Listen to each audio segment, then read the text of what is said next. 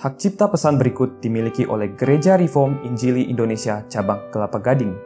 Duplikasi, distribusi, atau penggunaan semua atau sebagian pesan dilarang tanpa persetujuan tertulis. Jikalau ada pertanyaan, silakan kirim ke email gri@kelapa-gading@gmail.com. Untuk informasi yang lain, kunjungi website Gereja GRI Kelapa Gading di www.grii-kelapagading.org.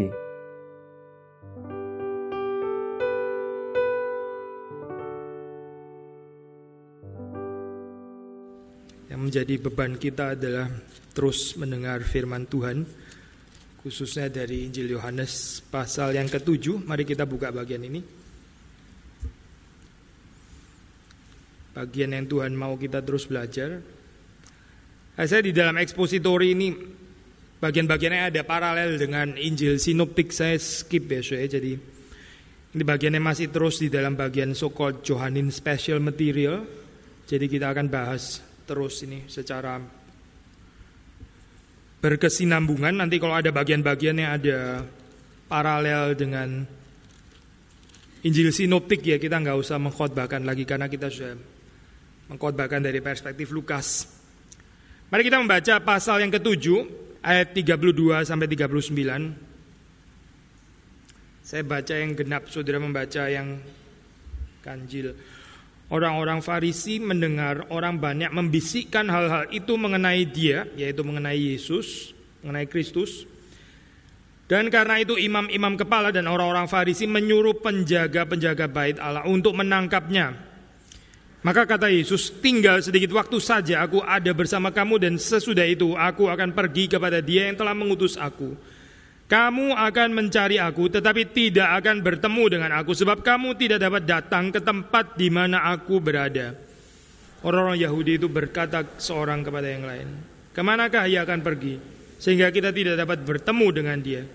Adakah maksudnya untuk pergi kepada mereka yang tinggal di perantauan di antara orang Yunani untuk mengajar orang Yunani? Apakah maksud perkataan yang diucapkannya ini? Kamu akan mencari aku, tetapi kamu tidak akan bertemu dengan aku, dan kamu tidak dapat datang ke tempat di mana aku berada. Dan pada hari terakhir, yaitu pada puncak perayaan itu, Yesus berdiri dan berseru, Barang siapa haus, baiklah ia datang kepadaku dan minum. Barang siapa percaya kepadaku, seperti yang dikatakan oleh kitab suci dari dalam hatinya, akan mengalir aliran-aliran air hidup. Yang dimaksudkannya ialah roh yang akan diterima oleh mereka yang percaya kepadanya. Sebab roh itu belum datang karena Yesus belum dimuliakan. Mari kita berdoa, kita minta pertolongan Tuhan. Dan setiap orang berdoa sudah berdoa untuk diri masing-masing Sudah berdoa untuk orang di kanan, di kiri, di depan, di belakang saudara Dan juga mendoakan saya. Mari kita buka suara. Bapak di dalam surga kami bersyukur kami bisa menikmati perhentian pada hari ini Ketika kami datang beribadah kepada Tuhan dan mohon kau sendiri hadir bersama dengan kami karena tanpa kehadiranmu jiwa kami akan senantiasa letih dan lesu dan kami tidak mendapat kelegaan, kami tidak mendapat peristirahatan kecuali di dalam Engkau. Kami rindu Tuhan supaya Engkau sendiri ada bersama dengan kami dan kami juga di dalam Engkau. Sehingga sungguh-sungguh firman yang Tuhan ingin nyatakan kepada kami semua ini boleh menembusi hati kami yang terdalam, mengubah kehidupan kami, membawa kami ke dalam kehidupan yang terus-menerus di dalam pertobatan seperti yang Tuhan kehendaki. Berkati hambamu yang tidak layak dan tidak sempurna penuh kekurangan Tuhan memberikan kasih karunia. Topanglah dia dan berkati juga seluruh jemaat Tuhan Supaya kami semua boleh dikuduskan oleh firman Tuhan. Demi Yesus Kristus kami berdoa. Amin. Sudah kita sudah membahas di dalam perikop yang sebelumnya Yaitu kita bisa melihat ini sudah Senternya dari berbagai macam perspektif Either dari urusan asal muasal Yesus sesuatu yang objektif. Atau kita bisa melihat respons subjektif daripada mereka respons personal ya. Respons personal kita mungkin bisa bagi dua. Either kita melihatnya dalam perspektif keraguan-raguan mereka atau setidaknya ada yang percaya ada yang nggak percaya ya, di dalam respons yang beraneka ragam ini. Tapi juga bisa melihat di dalam penekanan seperti yang dikatakan Lloyd Jones ya. Ini lebih membicarakan tentang ketidakpercayaan unbelief daripada audience Yesus ya pada saat itu. Dan kalau kita melanjutkan, saya, memang betul saya yang di sini dibahas lebih kepada sekarang ya adalah orang-orang yang tidak percaya itu ya. Di dalam bagian sebelumnya kita sudah membaca kalimat terakhirnya bahwa ada orang banyak yang juga menjadi percaya kepada Yesus Kristus. Tapi mulai ayat 32 di sini dikatakan gambaran orang-orang Farisi, imam-imam kepala, orang-orang yang tidak percaya. Maka kita melakukan pemenggalan pembacaan dari ayat 31 dan 32 ya. Meskipun di situ kalau sudah melihat LAI eh, pemenggalannya di 29 lalu 30 dan 31 ya. Saya pikir ini memang bukan sesuatu yang mutlak. Tapi waktu kita belajar eksegese kita sendiri juga mesti bisa defend itu saya pembagiannya itu sebetulnya sampai mana ya terus terutama karena alasan apa gitu. Nah, waktu kita melihat di dalam mulai ayat 32 ini saya ada orang-orang Farisi yang mereka tahu ya orang banyak itu agamanya membicarakan tentang Yesus membisikkan mengenai Yesus imam-imam kepala lalu kemudian mereka menyuruh penjaga-penjaga bait Allah ini yang berfungsi ya sekaligus sebagai polisi polisi tempel polisi urusan keagamaan untuk menangkap Yesus Praktek ini ternyata sudah ada dari dulu ya, ya. Campuran urusan antara urusan publik, urusan agama yang campur baur jadi satu gitu ya. Sudah ada dari dulu saya, bukan mulai pada sekarang-sekarang. Dari dulu pun juga sudah ada seperti ini saya. Dan siapa yang menggerakkan seperti ya orang-orang yang beragama, orang-orang Farisi, orang-orang yang adalah pemimpin-pemimpin agama, imam-imam kepala, bukan orang biasa. Tapi isunya di mana sih, Kenapa mereka mau menangkap Yesus? Kita biasa di dalam ini, saya perspektif Injili kita sering kali melihat ya dari perspektif iri hatinya mereka karena mereka itu nggak punya keluasan hati karena mereka nggak bisa menerima kebenaran yang dikatakan oleh Kristus mereka hidup di dalam kepalsuan mereka hidup dalam kemunafikan dan karena itu mereka terganggu. Pasti itu alasan penting sekali saya setuju memang itu salah satu alasan yang penting saya tapi sudah juga mendapati di sini ada urusan politik sebetulnya. Ada urusan politik, saya. Dan lupa, saya orang-orang ini adalah orang-orang yang bergaul dengan penjajah Romawi itu. Gitu. Orang-orang ini adalah orang-orang yang cinta uang, demikian dikatakan Alkitab ya. Orang-orang Farisi itu cinta uang. Mereka ini orang-orang yang tahu bagaimana mendapatkan uang, saya, melalui agama. Jadi isunya mana sih? Isu agama atau politik atau uang, ekonomi campur aduk jadi satu sih. Bukan cuma sekedar isu teologis ya sih. Kita kadang-kadang ini dari perspektif Kristen ya, teolog-teolog yang zaman dulu lihatnya semua urusan seperti kayak persoalan semua ada persoalan teologis. Sebetulnya campur aduk jadi satu sih. Itu kita bisa meninjau juga dari aspek ekonomi ya. Ini ada urusan ekonomi sini sudah bukan cuma sekedar urusan kepemimpinan di dalam agama itu sih juga memang termasuk juga, tapi juga ada urusan uang di sini. Kehidupan mereka ini sudah sangat established, ya. mereka bisa memeras rakyat, mereka bisa dapat terus mendapat pemasukan. Terus waktu Yesus datang mengajarkan sesuatu yang lain, bikin orang-orang jadi kritikal pikirnya. Gitu. Bikin orang mulai jadi iya ya, kok ini mengajarkan sesuatu yang lebih honest, lebih jujur, lebih apa adanya. Lalu kemudian dia ini membicarakan Yesus maksudnya, ya, membicarakan berbahagia orang miskin, Nah kalau pengajar-pengajar kita kok nggak bicara berbagai orang miskin, malah orang miskin yang celaka begitu ya dalam hal ini. Lalu mereka mulai berpikir dan keadaan seperti ini sih, membuat status quo itu jadi terganggu. Ya. Maka mereka nggak suka, sih, mereka nggak suka. Mereka mau menangkap Yesus.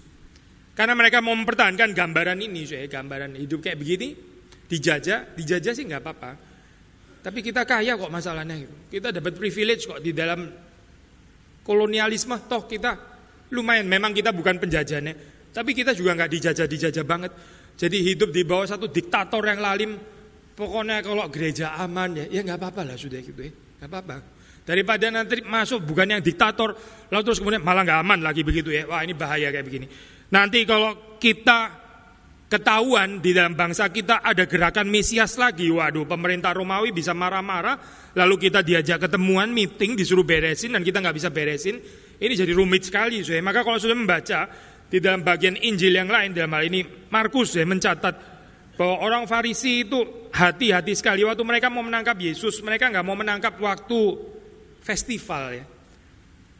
Di dalam Injil Markus kalau saudara membaca pasal yang ke-14 saya baca ya sudah ini 14. The chief priests and the scribes were looking for a way to arrest Jesus but still and kill him For they said, not during the festival, or there may be a riot among the people. Kita mesti menangkap dia, kita mesti membunuh dia. Tapi hati-hati, jangan waktu festival. Ini festival loh, ini festival besar sekali ini. Jangan waktu festival, nanti ada riot, nanti ada kerusuhan. Kenapa? Karena Yesus begitu populer. Jadi mereka mau menangkap Yesus diam-diam ya, dengan cara yang lihai, dengan permainan strategi politik yang sudah dipikirkan dan sebenarnya begini caranya begitu ya. Memang sangat ahli saya orang-orang ini. Orang-orang yang pengecut deh sebetulnya saya. Orang-orang yang nggak bisa bersaing secara fair. Orang-orang yang nggak menerima saya, ketidakmampuan mereka sebetulnya. Orang-orang ini ya. Tapi kemudian yang menarik, waktu sudah membaca di dalam ayat ke-34. Kamu akan mencari aku, ah, maaf 33. Maka kata Yesus, tinggal sedikit waktu saja, aku ada bersama kamu. Dan sesudah itu aku akan pergi kepada dia yang telah mengutus aku. Soal perkataan Yesus klop ya dengan rencana busuk mereka gitu. Apa sih maksudnya kalimat ini apa sih? Maksudnya Yesus mau bilang, sudahlah, gak usah repot-repot membunuh saya. Memang saya sendiri mau mati kok sebentar sebentar lagi. Jadi lu Gak usah, aduh gelisah bagaimana itu, itu gak usah ngerjain apa-apa. Saya sendiri mau mati. Kalau lu sendiri tahu saya memang rencananya mati, lu gak usah susah payah kayak begini. Begitu saya. Jadi kira-kira ya inilah tenang aja lah saya. Memang saya rencananya begitu gitu. Apakah itu saya maksudnya? Pasti bukan kan ya. Lalu apa saya kalimat ini maksudnya apa saya? Kenapa Yesus mengatakan kalimat yang sama ini? Sama di dalam pengertian ya mereka mau membunuh Yesus memang Yesus akan pergi kepada Bapak. Maksudnya mati kan saya. Mati terus kemudian dia bangkit terus kemudian dia kembali kepada Bapak. Ya maksudnya mati meninggalkan mereka gitu. Kenapa Yesus mengatakan kalimat ini cuy? Sekali lagi ya, ini poin kita sudah pernah bahas. Yesus mati itu karena dia yang menyerahkan nyawanya, cuy. bukan karena rencana busuk mereka, bukan. Gitu. Ini bagian mesti clear cuy, karena gereja juga nggak dipanggil untuk diviktimisasi. Saudara dan saya nggak dipanggil untuk diviktimisasi, tidak cuy. Waktu gereja menderita, waktu orang Kristen menderita, karena dia rela menderita, saya bukan karena viktimisasi. Yesus mengatakan kalimat ini mau menyatakan bahwa sejak dari semula, so, ini adalah rencana anak, rencana Bapak ya. Waktu anak diutus ke dalam dunia, dia akan mati, dia menyerahkan nyawanya. Bukan karena orang-orang ini yang berusaha untuk membunuh dan sebagainya, yaitu alat Tuhan secara negatif, Yudas dan sebagainya. Tapi dari sisi Yesus, dari sisi Bapa, dari sisi Allah ini adalah di dalam kedaulatan Tuhan. Bukan the power of manusia, ya, bukan. Kalimat ini keluar lagi waktu Yesus berjumpa dengan Pilatus ya. Pilatus seperti kayak punya power terhadap Yesus. Yesus bilang, kalau kuasa itu nggak diberikan dari atas kepadamu, kamu nggak punya kuasa apa-apa terhadap aku. Kalimat kedaulatan Allah, saya. Yesus bukan di sini di dalam gambaran powerless, uh, vulnerable di dalam pengertian seperti kayak victim begitu. Seperti kayak nggak mampu apa-apa, nggak ada choice. Yesus selalu ada choice. Dia ada choice untuk tidak menyelamatkan saudara dan saya. Choice itu selalu ada. Tapi dia nggak mengambil choice itu, dia taat kepada Bapaknya.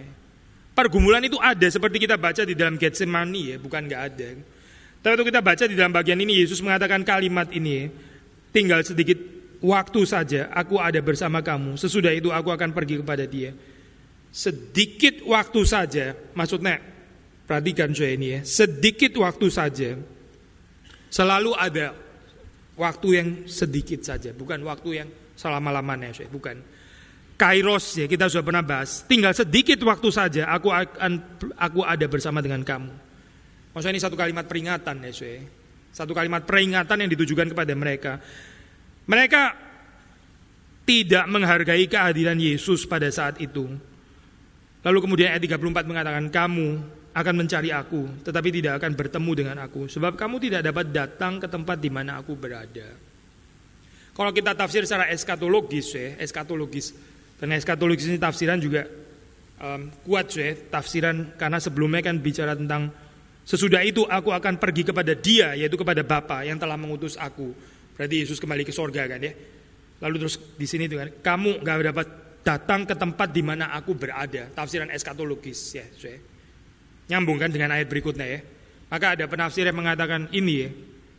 Mereka nggak akan lagi bisa datang kepada Yesus meskipun mereka mencari pada saat Yesus datang kembali dia akan datang sebagai hakim dan mereka akan desperately mencari Yesus yang pernah mereka tolak tapi sudah terlambat terlambat kamu mencari aku kamu mencari aku kamu tidak akan menemukan aku karena yang dicari memang mereka cari sih betul seperti ini sih orang yang kenyang setelah makan ya lima ribu orang kenyang. Memang mereka cari Yesus kan? Yesus ada di mana Yesus? Tapi apa mereka mencari Yesus? Mereka nggak betul-betul mencari Yesus kan? Mereka cari kekenyangan perut mereka sendiri. Mereka mencari berkat Tuhan yang buat mereka itu adalah inilah tujuan hidup yang paling tinggi mendapatkan berkat Tuhan. Tapi mereka sendiri nggak tertarik sesuai dengan Yesus. Maka mereka mencari Yesus. Ya memang secara fenomena kelihatan mencari Yesus. Mereka nggak benar-benar mencari Yesus. Mereka sama sekali tidak tertarik dengan pribadi Yesus. Tapi mereka mencari Yesus. Iya mereka mencari Yesus. Seperti mencari Yesus, mencari Yesus untuk apa tapi ya, mencari Yesus untuk diri mereka sendiri. Yesus mengatakan, you will seek me and you will not find me. Kamu akan mencari aku, kamu tidak akan mendapati aku.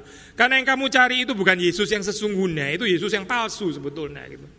Kemarin pendeta Ivan ini saya apa, khotbah di dalam bagian ini, di speak kalau sudah hadir. Gambaran Yesus yang diciptakan sendiri, yang diproyeksikan sendiri. Lalu kemudian kita mau Yesus yang seperti itu. Waktu kita baca Alkitab ternyata Yesusnya beda saya. Gambaran Yesus yang kasihan banget yang selalu mengulurkan tangannya yang tunggu orang bertobat. Ayo dong, kan saya sudah mati di atas kayu salib. Apa kamu nggak kasihan sama saya? Ini pengorbanan untuk kamu semua loh. Kok kamu terus mengeraskan hati? Terima saya dong dan sebagainya. Itu Yesus yang mana? Saya nggak ada di Alkitab Yesus kayak begitu. Yesus yang senantiasa menunggu tangannya terbuka dan sebagainya. Saya sudah pernah khotbah bagian ini ya. Ada lagunya lagi ya.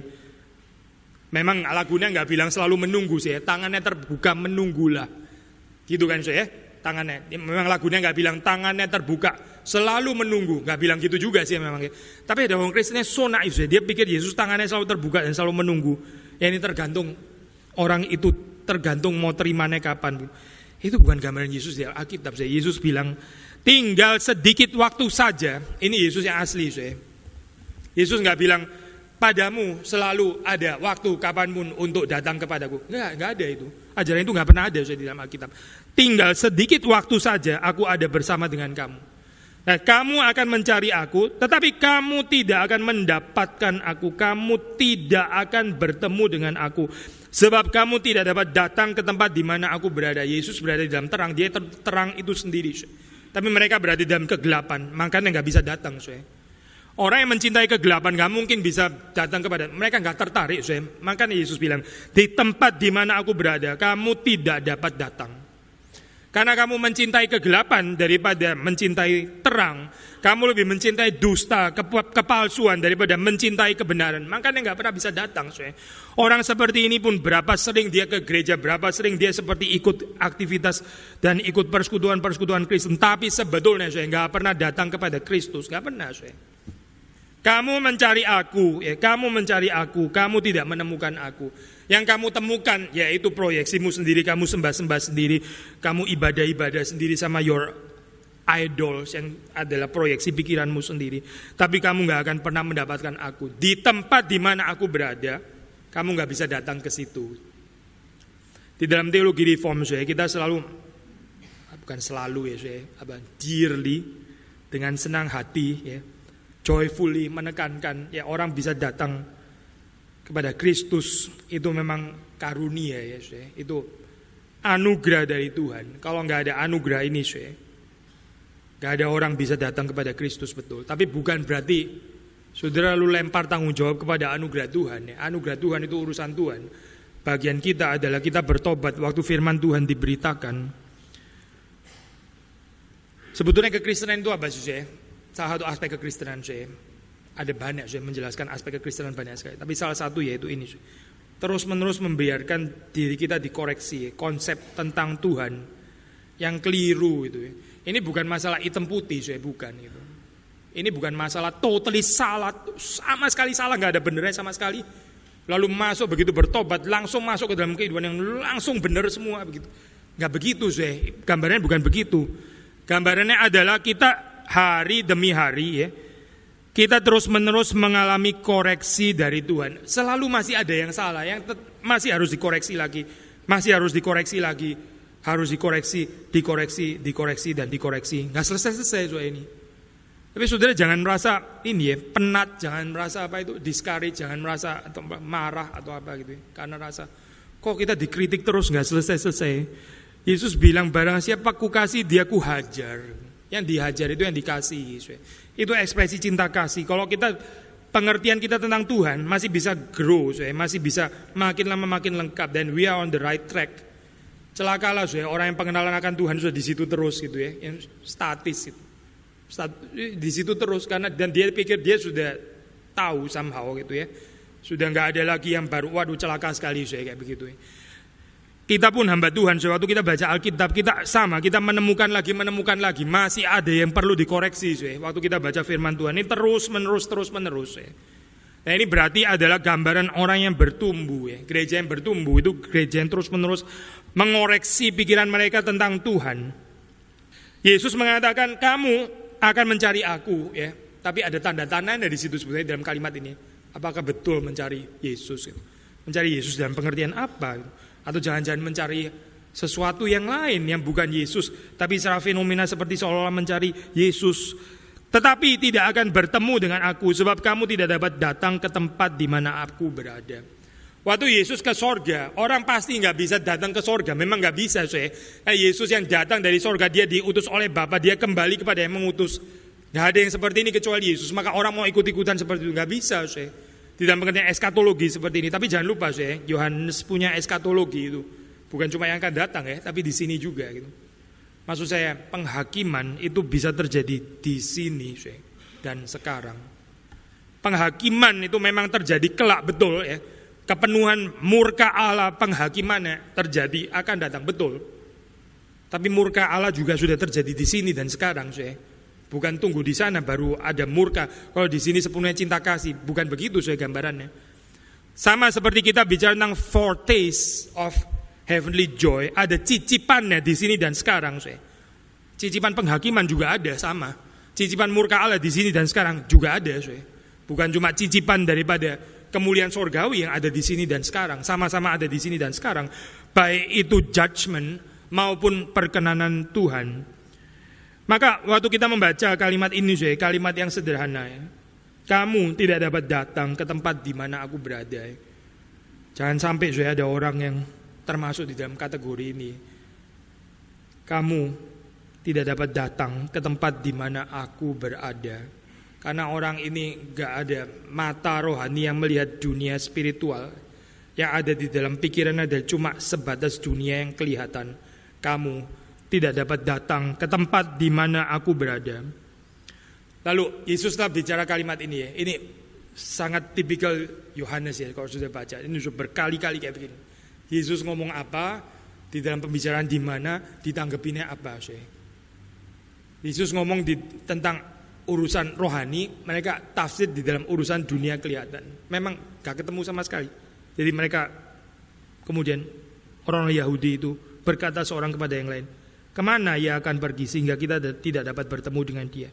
Apakah maksudnya untuk pergi kepada mereka yang tinggal di perantauan, diaspora, di antara orang Yunani untuk mengajar orang Yunani. Apakah maksud perkataan yang diucapkannya ini? Kamu akan mencari aku tetapi kamu tidak akan bertemu dengan aku dan kamu tidak dapat datang ke tempat di mana aku berada. Maksudnya apa? Dia mau ini pergi mengajar kepada orang-orang diaspora, orang-orang Yahudi yang ada di luar negeri. Ini mau go internasional gitu. Sebentar, sebentar, sebentar. Yesus mesti tahu ya, di sini aja dia nggak sukses gitu. Di sini nggak sukses. Dia kok malah mau pergi ke tempat Yunani. Ini ini apa-apaan coba kayak begini. Ini orang yang nggak mengenal diri ya. Kalau di sini populer lu diterima, ya ini pun juga belum tentu ya, belum tentu. Tapi kamu mau coba ya, lebih luas, ya oke okay lah. Paling nggak ada modal gitu loh saya. Tapi itu pun juga nggak tentu saya, nggak tentu, nggak tentu diterima. Mungkin lu cuma jago kandang, lalu kandang aja nggak jago, di dalam kandang sendiri aja nggak jago gitu. Ini ibaratnya Lu main sama orang suruh, suruh main pingpong aja lu kalah, lu mau ikut pon. Aduh, kamon. Mau ikut pon sih, mau ikut olimpiade, sama orang serumah aja kalah. Coba tuh gimana sih? Ini orang nggak sama sekali nggak mengenal diri. Ini. Dia mesti tahu bahwa dia adalah orang yang ditolak. Dia harus tahu bahwa kita ini nggak semuanya setuju dengan pengajarannya. Dan dia sekarang mau pergi kepada orang Yunani. Ini orang luar biasa sombong ya kayak begini ya. Distorted self knowledge. Ditambah satu persoalan lagi ya. Even pun kalau dia berhasil sekalipun jangan lupa ya. Jangan-jangan dia lupa. Kita semua kan tahu ya. Kebudayaan Yunani mereka selalu rasa lebih superior daripada bangsa mana pun. Mereka menghina kebudayaan Yahudi. Tradisi Yahudi itu apa dibandingkan dengan Yunani, Yunani itu bangsa besar, kebudayaan Romawi pun dipengaruhi oleh Yunani. Lalu kita orang Yahudi mau mempengaruhi kebudayaan Yunani. Romawi pun nggak bisa membendung itu kemajuan daripada budaya Yunani sampai mempengaruhi mereka itu. Lalu kita sekarang the Jews yang yang minority ini cuma satu titik kecil di dalam dunia lalu mempengaruhi orang-orang Yunani. Aduh. Yesus, Yesus, Yesus. Sebenarnya kalau sudah baca di dalam bahasa aslinya ya, itu di 35b itu kalimat pertanyaannya itu pakai istilah me, sudah me, saya sudah pernah bahas me ya. Me sudah masih ingat ya, itu kalimat pertanyaan yang mengasumsikan jawaban negatif ya. Maksudnya begini sih, waktu itu kita memberi contoh waktu waktu Yesus setelah semua orang meninggalkan dia, hampir semua orang meninggalkan dia, dia bicara dirinya adalah roti hidup ya. Perkataan ini terlalu keras. Siapa yang bisa mendengarkan? Lalu terus kemudian Yesus berkata kepada murid-murid yang paling dekat. Arguably ya 12 orang itu ya. Kamu tidak akan pergi juga kan? Saya sudah pernah bahas ini ya, sudah masih ingat nggak? Kalimat bahasa Indonesia terjemahannya susah. Saya. Apakah kamu akan pergi juga gitu? Seperti kayak nantang gitu ya. Kamu kalau mau pergi ya pergi aja sekalian. Sebetulnya kalimat aslinya bukan itu saya, bukan ditafsir ke sana. Bukan, kamu akan pergi juga. Maksudnya, saya nggak takut kehilangan kamu. Kalau mau pergi, pergi aja sekalian. Hamba Tuhan kalau tafsir kayak gini bahaya sekali ya, ya. Maksudnya bukan bahaya, cuma di dalam penafsiran. Ntar kepemimpinannya juga kayak begitu lagi. Lo kalau nggak seneng, nggak suka, ya sudah pergi-pergi aja sekalian, pergi sana gitu kan ya. Terus dasarnya, Yesus pun ngomong kalimat itu. Ternyata enggak loh, saya. Ternyata Yesus nggak ngomong kalimat itu gitu. Yang dibilang Yesus itu adalah, kamu tidak akan pergi juga kan? Kan ada me di depannya. Kamu tidak akan pergi juga kan? Tidak akan pergi kan? Bukan, apakah kamu mau pergi juga? Bukan, saya itu terjemahan yang salah sebetulnya ya. Maksudnya Yesus mengenal siapa murid-muridnya. Yesus tahu bahwa kelompok ini nggak akan meninggalkan dia. Ada trust di sini saya. Ini bukan tentang pengusiran, bukan itu, tapi tentang kepercayaan justru. Nah sekarang ini juga pakai me, tapi di dalam konteks yang sama sekali berbeda. Maksudnya mereka, kalau saya terjemahkan yang lebih dekat dengan bahasa aslinya, saya. Maksudnya bukan untuk pergi kepada mereka yang tinggal di perantauan di antara orang Yunani untuk mengajar orang Yunani kan? Itu loh saya terjemahnya kayak begitu. Adakah maksudnya untuk pergi? Ini kan netral kan saya. Adakah maksudnya untuk pergi kepada mereka? Ini kan netral pertanyaan kayak begini kan ya. Pertanyaan apa dia mau itu ya? Iya atau enggak gitu. Sebetulnya kalimat aslinya dia tidak bermaksud untuk pergi kepada mereka yang tinggal di diaspora mereka diaspora orang diaspora itu yang tinggal di perantau, perantauan di antara orang Yunani untuk mengajar mereka. Enggak kan? Enggak kayak begitu kan? Itu loh saya terjemahnya kayak begitu. Maksudnya mereka nggak bisa percaya, cuy. Gak mungkin lah ini ya. Di sini aja nggak bisa. Kamu mau coba-coba sama orang Yunani, konyol nanti.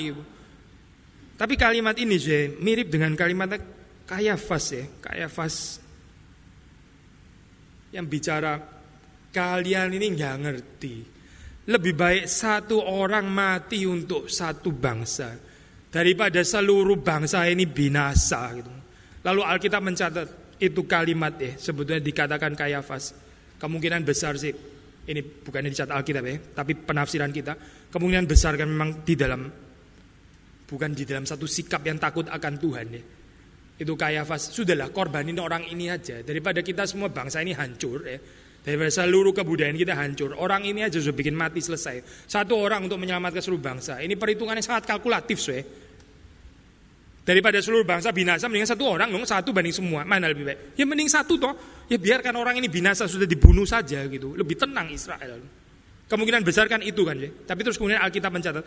Tetapi itu dikatakan nih, imam besar. Dia bernubuat pada saat itu saya.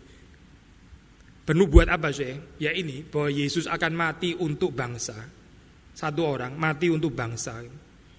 Mati untuk orang Israel. Kalimat ini mirip sekali, saya. Meskipun nggak ada cantuman seperti itu ya di sini.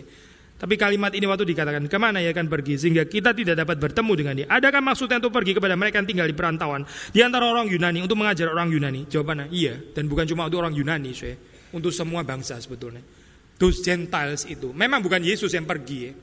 Yesus stay di Israel, tapi pengajarannya itu kita tahu keluar ya dari Israel. Bukan terus dimonopoli oleh orang Yahudi, ya. bukan terus dimonopoli oleh orang Israel Memang betul sih, nggak semua Israel menolak Yesus. Ada juga dan banyak dikatakan bahkan yang percaya. Tapi kita tahu juga ada yang menolak sih.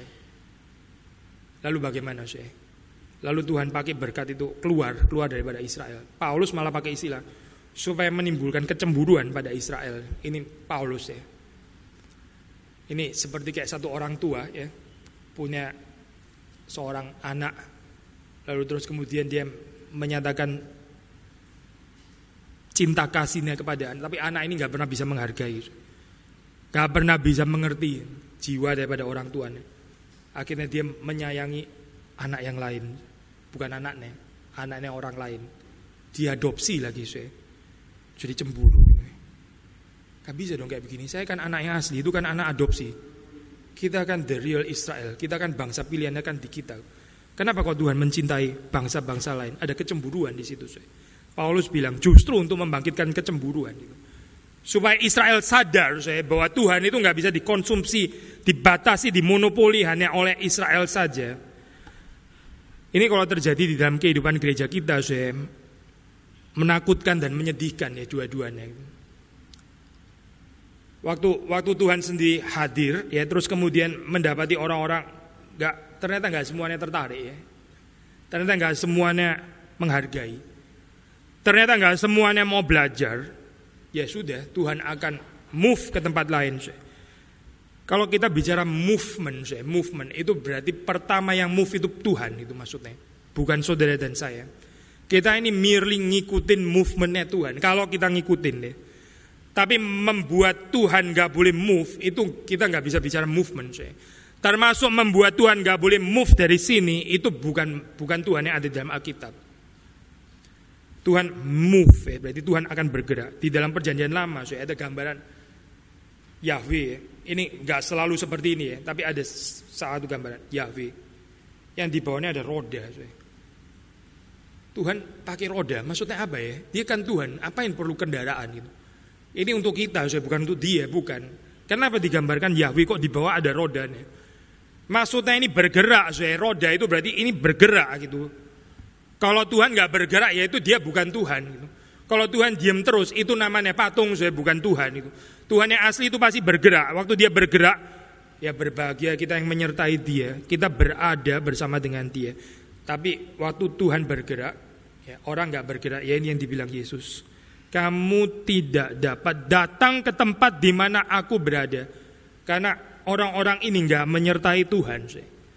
Mereka terus di dalam posisi mereka status quo mempertahankan ini.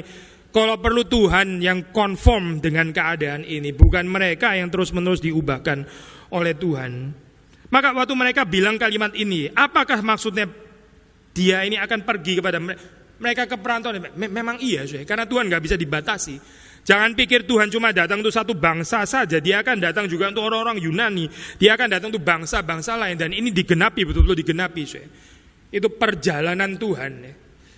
Kalau kita bicara movement, saya, kalau kita bicara movement, movementnya Tuhan maksudnya bukan human movement ya, tapi movementnya Tuhan.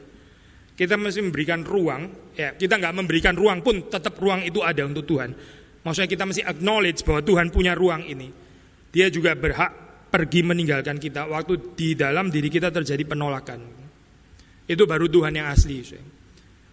Kita nggak bisa bilang jangan dong, jangan. Sekali Tuhan memberkati di sini, sekali di sini pernah ada kaki Dian, ya sudah dong di sini terus. Ya itu tadi kalimat. Coba lihat Geneva, coba lihat Geneva. Silakan lihat Geneva. Itu betul-betul pernah ada kaki Dian di sana. Saudara lihat sekarang. Tuhan yang kita percaya, saya di dalam perspektif iman Protestan itu adalah Tuhan yang bergerak, saya bukan Tuhan yang terus di situ. Tuhan yang bergerak. Maka gereja yang bersama dengan Kristus adalah gereja yang bergerak, saya bukan gereja yang diam. Gereja yang diam itu Tuhannya diam berarti begitu. Kalau Tuhannya diam itu bukan Tuhan yang di Alkitab, bukan. Tuhan yang di Alkitab itu bergerak, dia itu in movement dan dia menggerakkan kita juga. Maka kalau kita nggak bergerak, saya, saya nggak tahu Tuhan apa itu. Tuhan saudara itu Tuhan yang mana? Saya nggak tahu itu. Karena di dalam Alkitab Tuhannya bukan begitu. Saudara baca di dalam keluaran ya, itu tiang api, tiang awan kan bergerak kan saya. Mana diam di situ? Itu kompor namanya. Saudara yang menggerakkan dia hidup karena itu namanya kompor saudara, bukan tiang awan, tiang api. Kalau dia di situ terus, ya udah itu berarti kompornya kita, itu apinya kita, bukan api, bukan Tuhan berarti. Kalau Tuhan, ya dia bergerak, waktu dia bergerak, lalu kita terus kemudian mengikuti pergerakan. Nah inilah saya kekristenan. Gereja yang bergerak, orang Kristen yang bergerak ya. Keluarga yang juga bergerak, saya in movement, bukan status quo, gitu terus. Ya. Gitu terus, gak ada perubahan. Gini terus, dari dulu gini terus, ya. gak ada perubahan. Tapi bergerak seharusnya, sebagaimana Yesus bergerak. Maka waktu mereka mengatakan kalimat ini ya, seolah-olah, bukan seolah-olah, mereka memang gak percaya, seolah-olah ini Gak mungkin lah, gak akan pernah terjadi. Orang Yesus sendiri gak dihargai di sini. Dia mau coba-coba pergi ke Yunani lah, apa mungkin terlalu kecewa dan sebagainya. Tapi kenyataan ini akan terjadi. Mereka tanpa sadar, secara ironis seperti kayak seolah-olah seperti ya saya katakan ini seolah-olah karena di sini nggak ada catatan, nggak seperti yang kayak fas, tapi seperti menubuatkan apa yang akan terjadi itu bahwa Israel akan ditinggalkan, lalu kemudian Tuhan pergi kepada bangsa-bangsa lain. Kalau kita baca dalam kisah para rasul itu Paulus ya saya pergi kepada those Gentiles. Sama seperti ini saya Eropa ya. Waktu terjadi penolakan, liberalisme masuk dan sebagainya. Lalu terus kemudian Tuhan bergerak ke tempat lain. Tuhan pergi mungkin ke Amerika waktu itu. Banyak orang-orang Eropa mendirikan koloni di Amerika. Lalu terus ya Tuhan ada di sana, ada kaki dia. Nanti Tuhan bergerak lagi, saya. Ada penolakan, Tuhan bergerak lagi. Suatu saat ada penolakan ya Tuhan akan bergerak, Tuhan akan terus bergerak, saya. Seperti yang dicatat di dalam Alkitab. Lalu kemudian perikop berikutnya pada hari terakhir Indonesia. Jangan lupa ya Yesus tadi bilang tinggal sedikit waktu saja. Sedikit waktu saja dan ini saya hari terakhir pada puncak perayaan itu Yesus berdiri dan berseru barang siapa haus baiklah ia datang kepadaku dan minum. So kita baca di dalam cerita ini ya hari raya ini kita baca di dalam pesta ini ya. Saudara mendapati bahwa hari raya Pondok Daun ini memang sangat berkaitan dengan urusan menimba air, menimba air, water drawing. Bukan cuma sekali, bahkan sampai tujuh kali ya. Lalu itu menjadi suasana yang luar biasa semarak ya.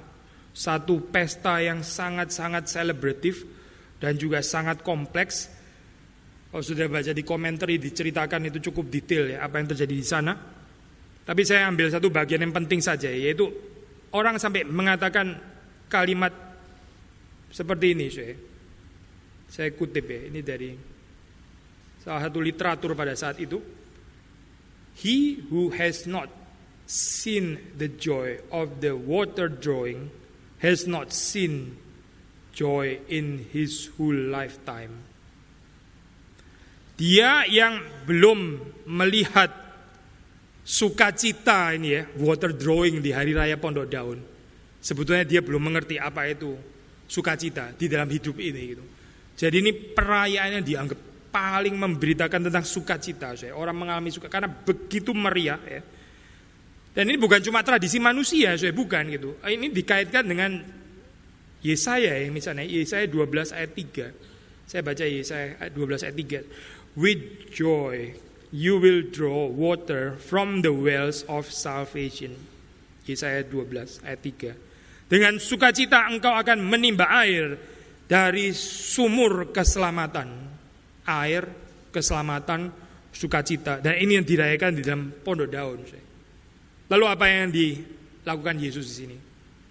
Persetan dengan semua tradisimu gitu saya. Bukan, bukan saya. Lagian Yesus masa ngomong persetan saya. Saudara perhatikan ya, Yesus pada hari terakhir, pada puncak perayaan itu Yesus berdiri dan bersuruh, barang siapa haus, baiklah ia datang kepadaku dan minum. Ini so typical Yohanes ya. Kaitan antara tradisi ya lalu kemudian Yesus adalah penggenapan. Dan Yesus nggak membuang tradisi yang di belakang saya. Nggak bilang persetan itu tadi ya tidak gitu. Saya sudah pernah jelaskan saya waktu dia berada di Kana kan dia mengubah air menjadi anggur. Ya kenapa nggak menciptakan anggur tanpa air? Kan dia maha kuasa kan saya. Lebih kreatio ex nihilo kan ya. Kenapa Yesus kok menciptakan anggur malah dari air? Padahal di dalam mitos Dionysius kita baca Dionysius memberikan anggur dari nothingness ini malah lebih theologically correct lagi ya. Dionysius itu menciptakan anggur dari ketiadaan. Yesus mengubah air, ya kurang kurang maha kuasa ya. Dionysius lebih hebat menciptakan anggur dari ketiadaan, lebih sesuai dengan berita Alkitab lagi, creatio ex nihilo. Makanya saya, saya sering kali mengatakan creatio ex nihilo itu cuma salah satu aspek saya waktu kita bicara penciptaan ya. Creatio ex nihilo itu bukan semua aspek bicara tentang penciptaan. Kalau kita mengerti kreatio itu harus selalu ex nihilo, dan berarti Yesus sendiri kurang kurang kurang mulia dong, kurang honorable sih. Kenapa dia merubah air menjadi anggur? Tapi kenapa saya di sini tetap dipertahankan elemen air? Saya sudah pernah bahas ya bagian ini ya. Yaitu air itu apa sih? Ini adalah elemen of purification di dalam perjanjian lama. Yesus nggak mau membuang itu. Ini juga adalah pekerjaan Tuhan, elemen air, air di dalam perjanjian lama, purification, ini dipertahankan. Nah sekarang waktu Yesus datang, this is the new covenant, yang itu old covenant. Now this is the new covenant, yang kontinuitas dengan old covenant. My blood, yaitu anggur ini ya, menunjuk kepada darah Kristus sebetulnya. Darahku ini akan membasuh kamu. Kalau di dalam perjanjian lama itu air, maka Yesus merubah air menjadi anggur. Ya. Ini sama saya poin ini ya. Yesus di dalam perayaan itu ya, di mana semua orang mengharapkan tentang air keselamatan. Lalu Yesus berseru, barang siapa haus, baiklah ia datang kepadaku dan minum.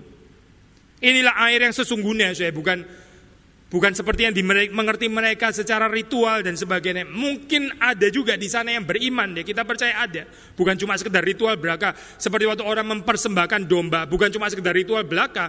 Ada yang percaya memang ini benar-benar beriman dilakukan sebagai satu korban yang diperintahkan oleh Tuhan. Daud, Musa, ya dan semua orang di perjanjian lama setelah pengaturan ini. Kita percaya waktu mereka melakukan itu mereka melakukannya dengan iman bukan cuma sekedar ritual. Maka pada saat ini saya kita percaya juga pasti ada orang-orang yang melakukannya itu di dalam iman. Tapi kita juga tahu banyak yang cuma melakukannya sebagai ritual belaka orang-orang yang nggak pernah melihat dunia yang tidak kelihatan itu ya. Orang yang selalu cuma melihatnya secara fenomenal saja maka waktu Yesus memberitakan kalimat ini, saya, Yesus yang menggenapi apa yang menjadi pengharapan saya di dalam hari raya Pondok Daun ini. Ya. Yesus bicara air di sini, saya. Ini saya kalau kita bisa belajar dari bagaimana Yesus memperkenalkan dirinya ya. Kita belajar bagaimana kita memperkenalkan Yesus ya. Yesus bicara air waktu hari raya Pondok Daun yang ada urusan dengan water drawing. Dia bicara air. Kalau Yesus bicara api di sini saya, ya nggak nyambung gitu. Kalau Yesus bicara akulah roti hidup, nggak nyambung saya. Water drawing kok arek roti hidup gitu loh, nggak berkaitan kan saya. Orang Injili kayak begini loh saya. Banyak kayak oh, oh, oh, lagi apa dijawabnya apa saya. Aduh, terus dia bilang katanya itu orang yang mengeraskan hati belum ada Roh Kudus makanya nggak bisa terima Yesus gitu. Mungkin kita saya nggak peka sama ini urusannya di mana, dijawabnya apa, ya, approachnya bagaimana, karena kita nggak seperti Yesus. Yesus nggak memperkenalkan diri sendiri, I am the bread of life atau I am the resurrection and the life lagi hari raya pondok daun. Dia bilang I am the resurrection, the life atau urusan Lazarus ya. Dia bisa I am the bread of life. Setelah dia pecah-pecah pecah-pecah semua orang kenyang. I am the bread of life. Dia bukan bilang datanglah kepadaku yang haus setelah Lazarus bangkit. Enggak, saya enggak. Yesus gak kayak begini, saya tidak. Kita yang sering kali kayak begini ya, karena kita pikir Jesus is always the answer. You. Regardless what the question is atau the questions are, pokoknya Yesus always the answer. Saya baca satu, itu mungkin meme kali ya, ya. Ada soal apa ya, soal matematika yang rumit gitu ya. Uh, di post orang di Facebook. Rumit gitu, saya sendiri gak bisa kerjain, saya sudah lupa ya matematika. Belajarnya teologi sekarang soalnya. Soal matematika, waduh ini apa ya jawabannya? Terus dijawab sama Jesus is always the answer. ya, Ujian matematika jawaban Yesus. Yesus selalu jawabannya. Mau diferensiasi integral, mau apa pokoknya. Jesus is the answer. Yesus menyelesaikan semua persoalan. Oh enggak sih, enggak sih. Karena saudara nggak ngerti questionnya apa soalnya gitu. Maka waktu kita kembali dalam bagian ini ya, Yesus memperkenalkan dirinya, bukan memperkenalkan dirinya di sini ya, sebenarnya Roh Kudus ya. Ini menarik ya. Poin yang lain lagi ya, kalau sudah melihat kita sudah pernah mengatakan ya, itu di dalam pribadi Tritunggal nggak ada yang menunjuk kepada dirinya sendiri, menunjuk kepada pribadi yang lain. Roh Kudus itu bukan bicara dirinya sendiri, membicarakan Kristus. Kristus sang anak, bukan membicarakan dirinya sendiri, membicarakan Bapa. Bapa sendiri mempermuliakan anak ya. Lalu di sini kita membaca anak menunjuk kepada Roh Kudus. Saudara bisa mungkin pikir ini sebentar, or, ordernya keliru ya. Bukannya roh kudus menuju anak sudah betul. Masa anak menunjuk roh kudus kan ordonya keliru kayak begini. Saya. Di sini Yesus sendiri menunjuk kepada roh kudus. Saya. Dan ini ini nggak merusak ordo. Saya. Kalau sudah baca di dalam ayat yang terakhir tadi kita baca ya. Yang dimasukkannya ialah roh yang akan diterima oleh mereka yang percaya kepada sebab roh itu belum datang. Karena Yesus belum dimuliakan. Tetap ada order kan di sini kan saya. Yesus dimuliakan, lalu kemudian roh itu baru datang. Gak merusak order saya. Order, tetap ada order. Memang setelah ini. Bukan mendahului Yesus. Dia bukan datang terlebih dahulu sebelum Yesus dimuliakan. Tetap ada order kan berarti di sini kan saya. Tetap ada order. Seperti juga Yesus yang diutus oleh Bapa. Tetap ada order di sini saya. Tapi bukan berarti terus kemudian ada ordo, ada order. Lalu terus kemudian Yesus nggak boleh menunjuk kepada pribadi yang ordonya itu let's say di bawah gitu atau setelah. Kayak di sini Yesus menunjuk kepada Roh Kudus. Ini kalau kita bisa belajar daripada Trinitarian life, ya, lalu kita terapkan di dalam kehidupan kita, di dalam filsafat pelayanan kita, di dalam kehidupan keluarga kita, di dalam kehidupan kita bermasyarakat, bernegara dan sebagainya. Kita bisa belajar banyak hal. Yesus mengatakan adalah lebih baik ya, aku pergi kepada Bapak, bukan dalam bagian ini ya, tapi bagian lain. Pergi kepada Bapak. Sebab kalau aku nggak pergi kepada Bapak, roh itu tidak akan datang. Sudah lihat keluasan hatinya ini. Enggak ada saingan ya saya, antara pribadi kedua dan pribadi ketiga. Tapi kalau sekarang saya manusia narsis bilang, nanti kalau saya pergi, diteruskan ini. Saudara jangan lupa saya ya. Saya pernah ada loh. Jangan sampai melupakan saya ya. Ini orang tua soalnya gitu ya dan seterusnya dan seterusnya. Waduh kita ini senior sindrom saya bah. Banyak persoalan psikologis ya di dalam kehidupan orang Kristen nih. Lalu kalau kita bandingkan dengan kehidupan Tritunggal, kita benar-benar kayak orang kena sakit mental bener. Karena di dalam Tritunggal nggak ada kayak gini-gini nggak ada. Sih. Waktu Yesus naik, sebentar lagi Roh Kudus akan datang. Tetapi jangan lupa saya lo ya, saya yang disalib ya bukan dia. Lu mesti mengerti lo, mengucurkan darah itu saya bukan Roh Kudus. Mana ada sih saya kalimat kayak gini-gini di dalam Alkitab itu? Mana ada kayak begini? Gambaran Yesus yang insecure kayak begini ya yang mau diteruskan oleh pribadi yang lain gitu. Terus kemudian memastikan supaya eksistensinya dia nggak dilupakan oleh pengikutnya. Yang dikatakan Yesus justru adalah adalah lebih baik saya pergi. Itu absence. Berarti Yesus sekarang nggak ada lagi bersama dengan Yesus bilang lebih baik. Karena kalau saya nggak pergi pribadi ketiga itu nggak datang kepadamu. Lebih baik pribadi ketiga itu datang kepadamu maka saya pergi gitu. Itu yang dikatakan Yesus dalam Alkitab bisa nggak saya kita terapkan kalimat sederhana ini bisa nggak saya kita terapkan kehidupan Trinitas ini ya di dalam kehidupan kita? Waktu kita bergereja, waktu kita berjemaah dan sebagainya. Ada orang-orang yang super sensitif, so ya. Super sensitif karena nggak dihargai, super sensitif karena dia kurang dihormati dan sebagainya. Ini jadi apa sih, so? Ini ini kehidupan Trinitas atau kehidupan apa sih? Yang suka sensitif nggak dimuliakan dan sebagainya itu setan namanya so kalau di dalam Alkitab itu. Setan itu ya sudah posisinya tinggi sekali sebelum jadi setan waktu masih malaikat sudah belum fallen dia itu sudah tinggi sekali tapi ada Yesus dimuliakan dia insecure insecure kepingin lebih tinggi lagi lebih tinggi lebih tinggi lagi akhirnya bukan lebih tinggi saya akhirnya malah jatuh gitu. kenapa karena ya dia terus menerus mau dihormati gitu. Kalau kita lihat setan, kita lihat Yesus itu kontras ya, betul-betul kontras. Bukan cuma istilah, istilah memang sudah kontras ya. Ya Yesus dibandingkan sama setan pasti kontras sekali. Tapi kontras apa? Ya ini salah satunya adalah kita melihat kerendahan hati saya di dalam diri Yesus. Kita melihat kesombongan yang luar biasa di dalam setan yang terus mau menerus dihormati, ya dihargai dan sebagainya. yang khawatir kalau dilewati dan sebagainya itu setan saya kalau di dalam Alkitab bukan Yesus itu. Maka gereja ada yang mirip setan saya, ada gereja yang mirip Yesus. Gereja yang peka sekali dia dihormati nggak dihormati itu mirip setan saya gereja kayak begitu, bukan mirip Yesus. Gereja yang mirip Yesus ya ini saya ada keluasan hati itu gereja yang mirip Yesus. Gereja yang bisa berkata seperti Kristus ini menunjuk kepada pribadi yang lain. Barang siapa percaya kepadaku seperti yang dikatakan oleh kitab suci dari dalam hatinya akan mengalir aliran-aliran air hidup. Yang dimaksudkannya ialah roh yang akan diterima oleh mereka yang percaya kepadanya. Sudah perhatikan ya, sekali lagi ya, Yohanes ya, tipikal Yohanes. Tradisi yang di belakang, pas ya. Lalu terus kemudian anticipation of future, Roh Kudus kan belum datang kan di sini kan saya, anticipation of future. Now the fulfillment here and now, the very present, sekarang Yesus bilang ini sekarang. Barang siapa haus baiklah ia datang kepadaku dan minum sekarang maksudnya, sekarang.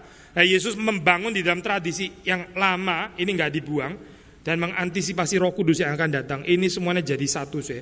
Past, present, future, now. Ya, ini tenses sekarang. Inilah waktunya. Maka kalimat ini sih, ya ini kita bisa tafsir. Tinggal sedikit waktu saja. Maksudnya apa sih? The presence of God. Inilah sih. Ini Ibrani bilang, hari inilah waktu keselamatan itu. Hari ini, ini waktu keselamatan itu hari ini dan selalu hari ini. Maksudnya the very present. Sekaranglah waktu keselamatan. Dan sekarang ini sudah ini menggabungkan antara dulu dan juga yang akan datang. Yang akan datang pun juga termasuk dijanjikan sekarang. Padahal kan belum kan cuy. Seperti Lazarus ya, bangkit kok belum pada waktunya. Orang mati bangkit itu kan harusnya akhir zaman. Kenapa bangkit pada saat Yesus belum datang kembali. Seperti kayak salah waktu kan di sini kan saya. Ya ini karena the fulfillment of sekarang ini sekarang waktunya. I am the resurrection and the life. Sekarang bukan I will be, bukan I was the resurrection, juga bukan I will be, tapi I am sekarang yang mencakup past, present, and future. Yohanes saya. Maka waktu dikatakan kalimat ini ya, tinggal sedikit waktu saja. Ya ini saya, kapan? Hari ini. Hari ini saya, sekarang. Gitu. Tapi sekarang saya bukan berarti itu oh berarti sekarang berarti masa lampau dibuang. Enggak, saya Yesus nggak membuang masa lampau. Kita sudah jelaskan kan tadi ya, pas bukan dibuang. Dan juga bukan sekarang-sekarang juga cuma perspektif sekarang doang yang nggak tahu apa-apa tentang masa depan, nggak ada pengharapan sama sekali. Bukan, saya. Sekarangnya bukan sekarang itu. Konsep presence di dalam Yohanes itu bukan sekarang di dalam pengertian kesempitan narrow mindedness itu bukan, saya bukan itu. Tapi yang sekaligus mengintegrasikan janji ya yang lampau dan juga pengharapan yang akan datang. Ini orang yang kehidupannya berdamai dengan waktu ya, ya. reconciled dengan waktu. Ada orang nggak reconcile dengan waktu saya. Waktu dia lihat ke belakang, aduh banyak grudges ya, banyak apa ini ya? Kepahitan ya, saya, banyak kepahitan gitu. Tiba-tiba ada sesuatu kecil terus muncul meledak kita bingung masa urusan sekecil ini bisa bikin orang sampai marah seperti ini. Eh ternyata sudah numpuk saya ini sudah jadi magmanya itu apa itu tinggal irap begitu ya kan sudah numpuk sudah bertahun-tahun itu apa. Bara apinya itu nggak bisa keluar gitu ya saya akhirnya meledak juga suatu saat itu. Kenapa saya karena dia nggak reconcile dengan dia punya past. Tapi ada orang juga nggak reconcile dengan dia punya future ya hidup di dalam ketakutan ketakutan ketakutan atau mungkin bahkan bukan ketakutan mungkin pengharapan yang nggak realistis kali saya itu juga sama nggak reconcile dengan future berarti. Orang yang hidup di dalam pengharapan yang nggak ada gitu yang yang nggak realistis ya Akhirnya apa sih? Ya akhirnya kacau ya. Kehidupan sekarang jadi kacau. Orang yang seperti ini sih nggak bisa menikmati the very presence. Ada orang memberikan kalimat ya mungkin ini seperti kayak kebetulan kali ya sih. Di dalam bahasa Inggris kan present, present, present. Presence, our presence is a presence from God ya. Present, present itu kan bisa sekarang present, tapi present juga di dalam pengertian yang pakai T maksudnya sih. Kado, gift maksudnya present ini adalah present dari Tuhan gitu. Kalau kita bisa hidup di dalam sekarang, kekinian ya. Bukan zaman now ya, so, ya. itu tafsirnya agak lain. Hidup di dalam sekarang ini ya. Itu adalah anugerah pemberian Tuhan. Orang yang bisa hidup seperti Yesus ya. Dia bukan trauma dengan tradisi belakang. Dia nggak mengatakan, apa itu hari raya pondok daun omong kosong semua. Saya inilah yang benar begitu ya. Yesus nggak kayak begitu sih. Dia nggak buang airnya itu sudah saya bikin sendiri. Saya ciptakan creatio ex nihilo dari tidak ada anggur tiba-tiba begitu ya. Enggak, enggak, enggak. Yesus fully reconciled saya dengan dengan tradisi di belakang. Dia fully reconciled. Dia membangun dari tradisi itu. Gitu. Kalau ada yang salah, ya dia koreksi itu. Tapi dia bukan membuang sepenuhnya, karena dia reconcile dengan pas. Dan dia mengantisipasi apa yang akan di, akan datang saya dengan luas hati. Roh Kudus akan datang. Kamu percaya kepadaku, percaya kepadaku di dalam hatinya itu akan mengalir aliran-aliran air hidup. Roh Kudus, pribadi yang lain. Future. Tapi di sini dijanjikan di sini dan sekarang. Kita rindu saya di dalam gereja kita ya. Kita boleh mengalami ini. Harap ini tidak menjadi satu perenungan yang abstrak gitu ya. Terus habis itu ilustrasinya apa sih sebenarnya gitu kan ya. Ini ngomong kayak begini nih cuma philosophical vision. Tapi terus kemudian ilustrasinya apa, aplikasinya apa gitu. Aplikasinya banyak sekali saya nggak mau kasih aplikasi karena dikasih aplikasi nanti jadi reduktif langsung ya. Tapi saya percaya di dalam kehidupan kita ya, ada banyak persoalan itu bisa diselesaikan kalau kita hidup seperti Yesus. Yesus berjanji memberikan ini. Lalu terus kemudian kita sendiri dalam satu keadaan ini broken, saya broken. Antara past, present, future semuanya nggak jelas. Jangankan past and future, present pun nggak benar-benar bisa present. Saya. Orang bisa hidup di dalam sekarang ya hari ini itu berkat Tuhan saya. Ada orang yang nggak pernah hidup di dalam sekarang. Orang yang terus khawatir itu, kan nggak hidup sekarang kan berarti kan saya. Dia loncat ke sana dan gambaran di sana negatif itu. Itu nggak hidup sekarang berarti gitu. Orang yang terus menerus dihantui oleh kegagalan masa lampau juga nggak hidup sekarang berarti gitu. Dia hidupnya di zaman dulu gitu. Piye zamanku enak toh, ya itu orang yang hidup nostalgia zaman dulu itu berarti itu. Dia nggak bisa nggak move on istilahnya orang sekarang. Dia nggak move on, dia nggak bisa hidup di masa sekarang. Tetapi saya kasih contoh satu lagi yang terakhir saya. Orang yang juga lihat waktu dulu bangga bangga sama saya. Ini ada orang yang lewat dulu semuanya hancur gitu ya. Nih. Semuanya hancur sehingga dia dipenuhi dengan kepahitan. Itu satu hal. Ada juga yang lihat di belakang. Wah lihat di belakang itu golden age. Yang sekarang yang hancur gitu ya. Kalau itu yang dulu yang itu yang dulu hancur, nggak bisa move on pahit Mas Yen. Kalau ini dulu, yang dulu bagus, yang sekarang yang hancur. Jadi bagaimana saya? Ya sama, nggak bisa menghidupi kekinian juga. Tapi kalau orang bisa menghidupi the very presence ya, dan bersama dengan God's presence. Ya ini saya Yohanes, Yesus yang kita tahu melalui Alkitab. Kiranya Tuhan memberkati kita. Mari kita masuk jam 2. Tuhan kami bersyukur karena Engkau adalah Tuhan yang terus menerus memberi dirimu untuk dikenal oleh kami dan kami rindu Tuhan supaya kami bukan hanya mengenal secara informasi, kami disentuh, hati kami dibakar. Dan kami menjadi orang-orang yang semakin mengerti bahwa sungguh-sungguh Engkau mencintai kami, mencintai kami sebagaimana kami ada dan bahwa Engkau memastikan kami untuk berubah untuk menjadi seperti engkau, untuk berbagian di dalam kehidupan Tritunggal. Terima kasih Tuhan untuk berkat Tuhan dan kami rindu supaya Engkau memberkati gerejamu, Engkau menguduskan kami semua, menjadikan kami orang-orang yang taat, yang percaya, yang tidak tertinggal, yang boleh terus-menerus menyertai keberadaan Tuhan di mana Engkau berada, di situ kami juga berada. Demi Yesus Kristus kami berdoa, kami bersyukur. Amin.